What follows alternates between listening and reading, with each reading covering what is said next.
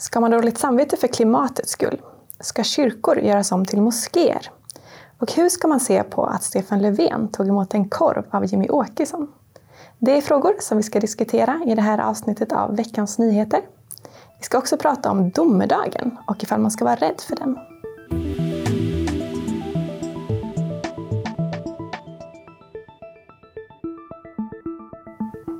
Varmt välkomna till det här avsnittet av Veckans nyheter med mig Sara Andersson och ledarskribenten och bibelläraren Sven Almqvist.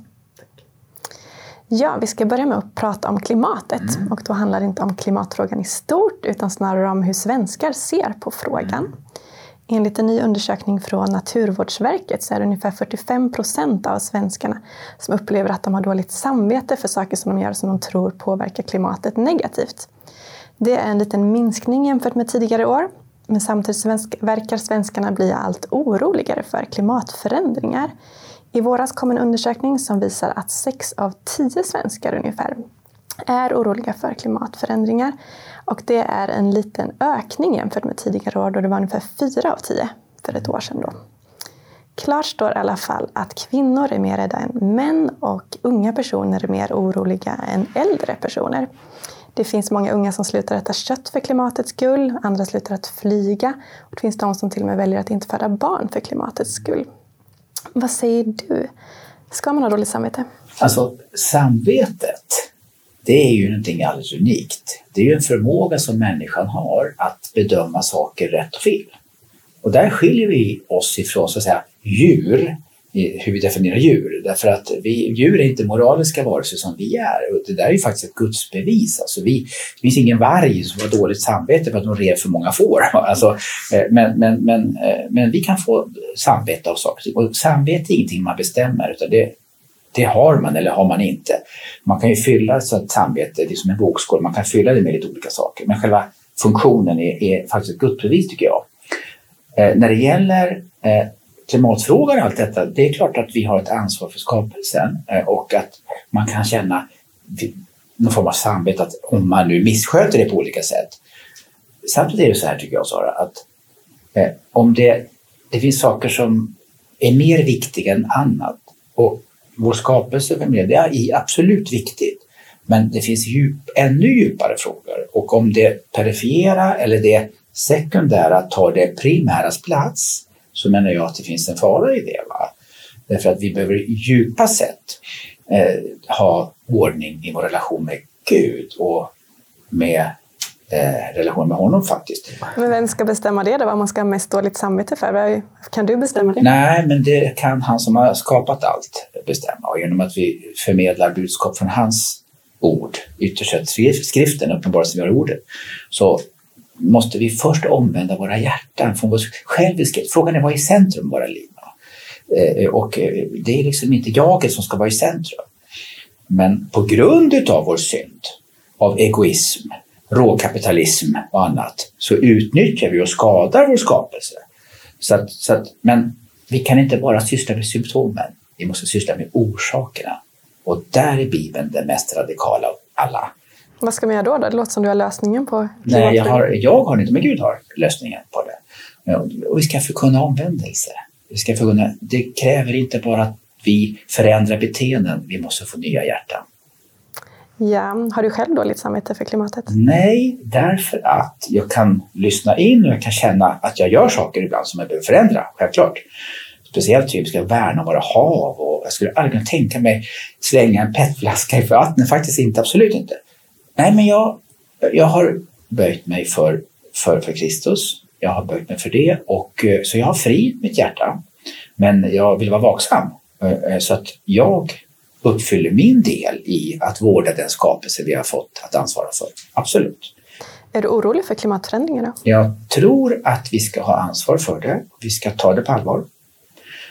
Men jag går inte kring orolig därför att min mästare säger känn ingen men det betyder inte att vi är passiva, utan vi är aktivt fridfyllda.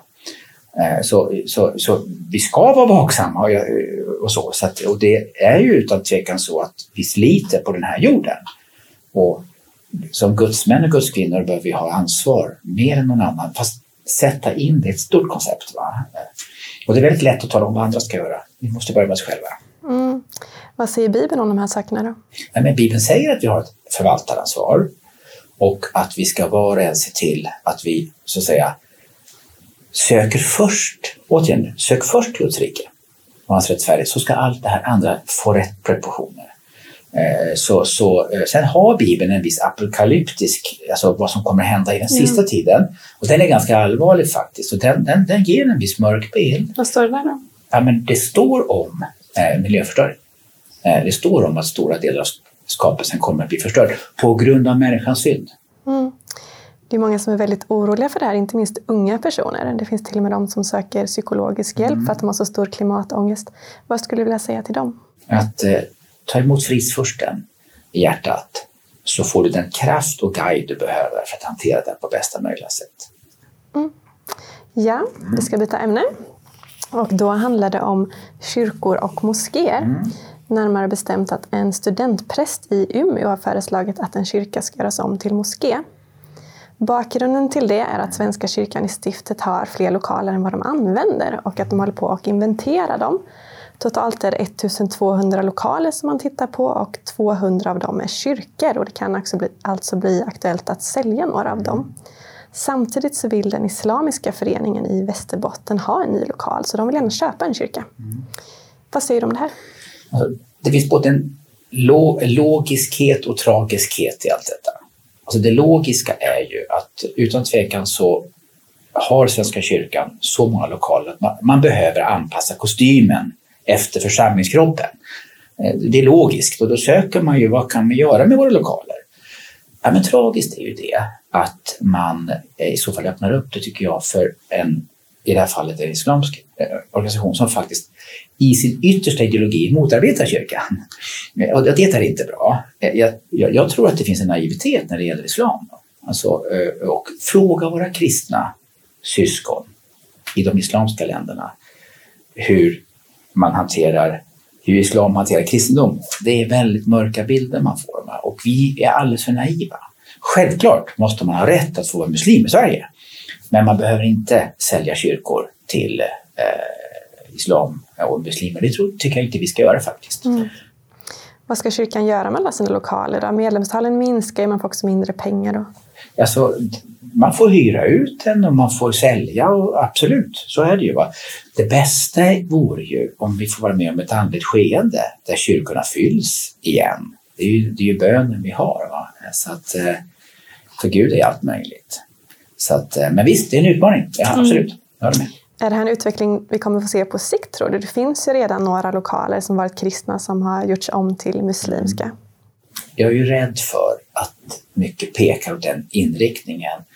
Därför att, Sara, att om vi ska göra kyrkan attraktiv igen så måste det bli så utmanande som Jesus är.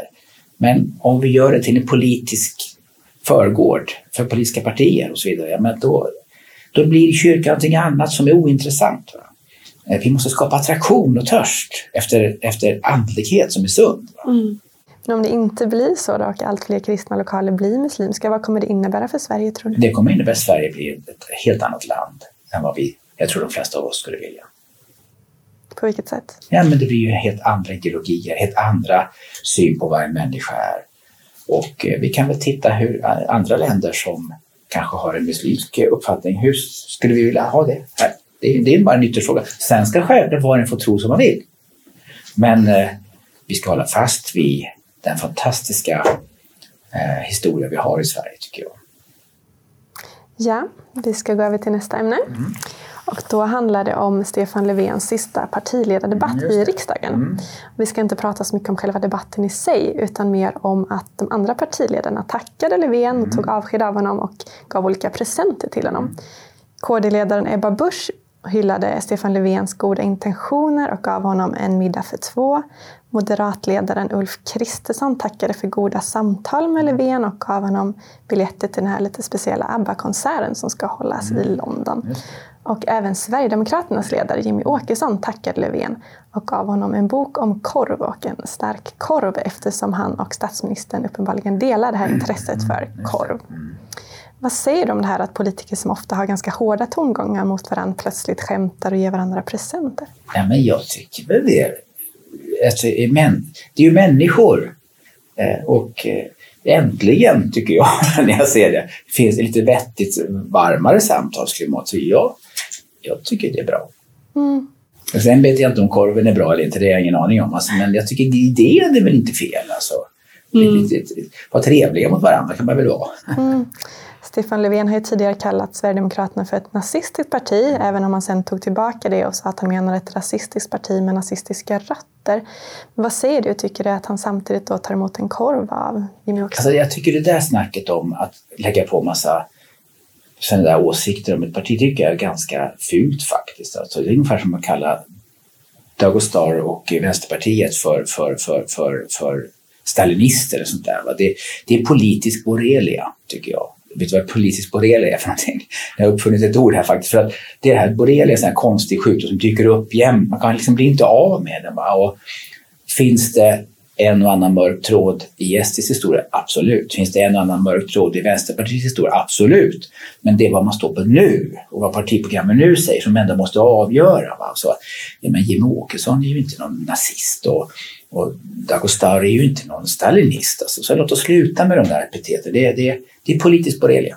Men tror du politikerna menar vad de säger? Skulle i så fall eh, Stefan Löfven tagit emot den här korven? Nej, men hade han ju menat det så hade han inte gör, gjort det. Ju. Därför att, eh, mm. så, att, så att han menar ju inte det. Det är bara politiskt spel. Eh, att kasta fram sådana här du vet, hårda ord, svepande formuleringar. Va? Vi måste kunna prata med varandra. Eh, så att, eh, nej, jag, jag, jag, gillar inte det där uh, slogan faktiskt. Alltså. Så att, eh, som, så att det här korvgrejen var bra. Det visar yeah. vad de egentligen tycker kanske. Alltså. Yeah. Sen kan man ha olika åsikter. Och, man behöver absolut inte tycka om allt. Jag tycker ju inte att du har rätt. Du, du har ju fel ibland tycker jag. men äh, kanske ibland alla fall. jag har inte märkt. nej, då, nej, men, ja. nej, men om du skulle ha fel så kan vi prata med varandra ändå, eller hur? Ja. Så att, ja, ja. Vi på Världen idag granskar ganska ofta regeringen och Socialdemokraterna. Men vad är Stefan Löfvens största fördelar som han har haft den här tiden, tycker du?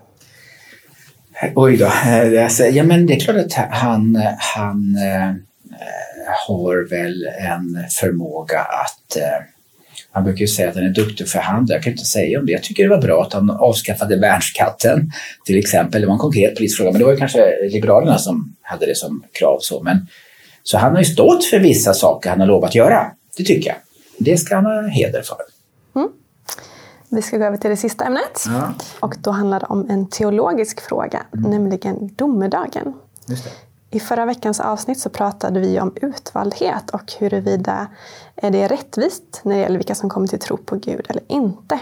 Och en sak som du sa då var att de som inte har lagen, det vill säga de som inte har liksom Guds ord och hans ord om hur vi ska leva, kommer inte dömas ut efter lagen. Och då var det en tittare som hörde av sig och undrade vad du egentligen menade med det. Så hur ska vi egentligen dömas? Alltså, eh, bara för att ta den frågan då, så, är Romarbrevet 2, där säger Paulus så här att vad lagen kräver är skrivet i människors hjärtan. Va? Så den som eh, eh, eh har, eh, inte har lagen ska ju gå under eller dömas utan det. Man kan ju inte dömas för något man inte har. Va? Eh, så att, så att det jag säger är att Gud är rättvis, that's the point. Va? Eh, och var, vi har inte samma förutsättningar så, så är det ju och det enda vi kan säga med säkerhet är att Gud kommer döma rättvist. Alltså. Sen exakt hur allt det här går till, det överlämnar med varm hand till Gud. Va? Faktiskt. Mm. Det stämmer att den som har tagit emot Jesus kommer slippa domen? Det står ju på många ställen i Bibeln att var en ska dömas efter sina gärningar. Absolut. Det här får vi, får vi inte blanda upp päron och äpplen.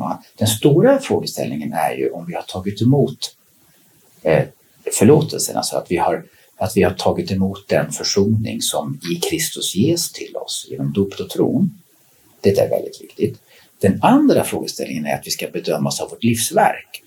Så Gud bedömer, vad gör vi med vår tid, vad gör vi med våra gåvor, vad gör vi mot den fattiga? Alltså, det blir en bedömning. Så det har att göra med någonting som kommer att hända senare i evigheten. Kommer det bli en specifik domedag då? Vad kan man i så fall veta om den lite kort? Eh, oj, kort? Nej men alltså, ja det kommer bli det. Det kommer alla. För sådd kommer skörd. What we do in life echoes in eternity. Så vi kommer ändå att få ställas till svars. Och jag har gjort alldeles för mycket som inte är bra. Så jag är så tacksam till att det finns en förlåtelse för det. Så därför behöver jag inte rädd. Jag är inte rädd för domen. Därför jag har Kristus. Mm. Han är den som har tagit mitt straff. Han är den som har tagit mitt elände. Och det är ganska mycket. Och jag får hans rättfärdighet. Och hans rättfärdighet räcker även för mig. Mm. Och dig. Ja. Finns det någon som vuxit upp i frikyrkan och kanske har blivit rädda av det här pratet om domedagen och mm. sådär? Ska man vara orolig? Den som har Kristus, den som har Jesus behöver inte vara det. Den som inte har det bör vara orolig. Ja, vi får avsluta med de allvarliga orden. Tack så mycket Sven för att du ville komma hit. Tack så mycket till er som har tittat. Om ni har andra frågor som ni tycker att vi ska ta upp så får ni jättegärna mejla dem till oss. Ha det bra!